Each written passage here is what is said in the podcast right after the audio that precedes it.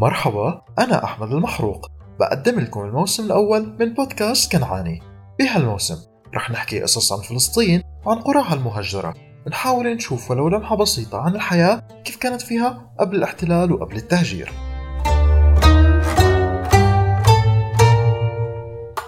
وكنا دخلنا قضاء القدس الشريف. واليوم رح نحكي عن قرية موجودة على بعد 5 كيلومتر جنوب غرب القدس وهي قرية المالحة. قرية المالحة هي قرية عربية ومثل ما حكينا بتبعد 5 كيلومتر جنوب غرب القدس.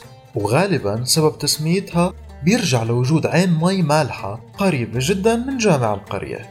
والمالحة بتحدها عدة قرى مثل لفتة وبيت صفافة وبيت جالة والولجة وعين كارم وغيرهم.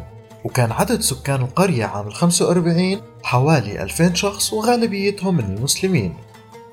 انبنت المالحة على أرض جبلية بترتفع حوالي 750 متر عن سطح البحر وبتشرف على مناطق واسعة ومن كل الجهات واستثمرت أراضيها بزراعة الحبوب والخضروات والأشجار المثمرة وبشكل خاص شجر الزيتون.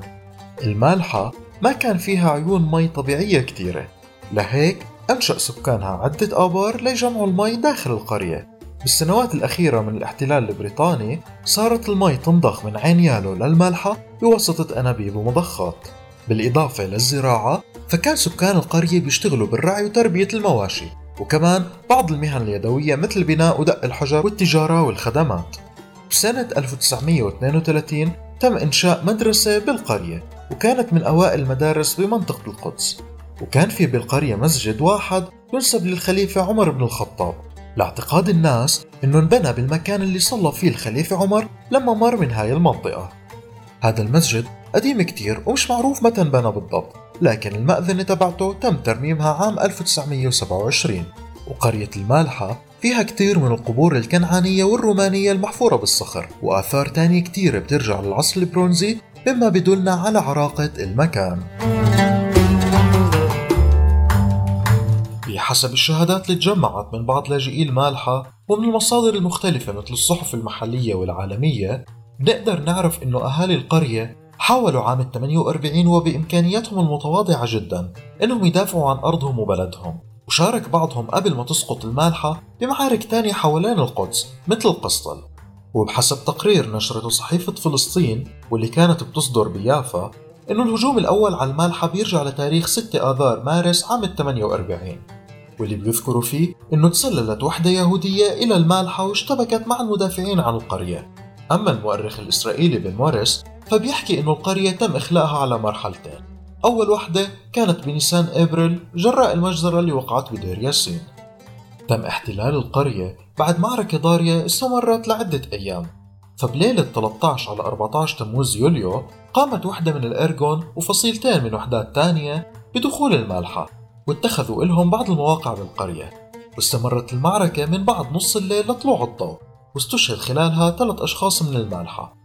وب 15 تموز يوليو قامت القوات العربية بهجوم مضاد شارك فيه مقاتلين من المالحة وساعدتهم المدفعية المصرية اللي كانت موجودة على التقاطع بين شرفات وبيت لحم. وعلى إثر هذا الهجوم واللي نتج عنه عدة شهداء تم إجبار وحدة الأرجون على إنها تنسحب من أقصى مواقعها بالقرية.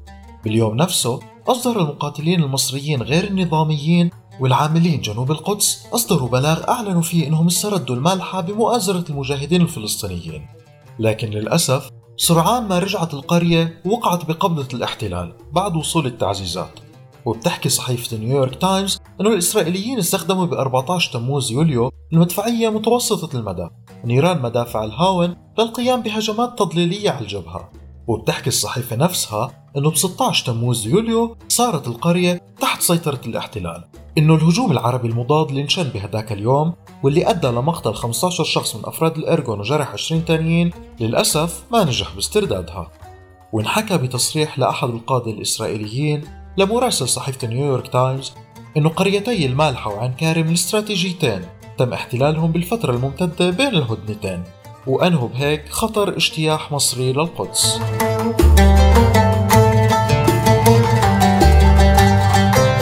بالنسبة لواقعنا اليوم تم إنشاء ضاحية صهيونية على أراضي القرية عام 49 مع أنه في بيوت كتير من القرية لساتها قائمة لكنها محتلة من قبل الإسرائيليين. أما بالنسبة لمدرسة القرية فهي مهجورة وبتعاني من الإهمال. مسجد القرية لساته قائم بوسطها مأذنته العالية المستديرة كمان. لكنه مقفل ومهمل. أما بجنوب الموقع فمقبرة القرية لساتها موجودة وبتغطي البساتين الوادي والمنحدرات الجنوبية والجنوبية الشرقية.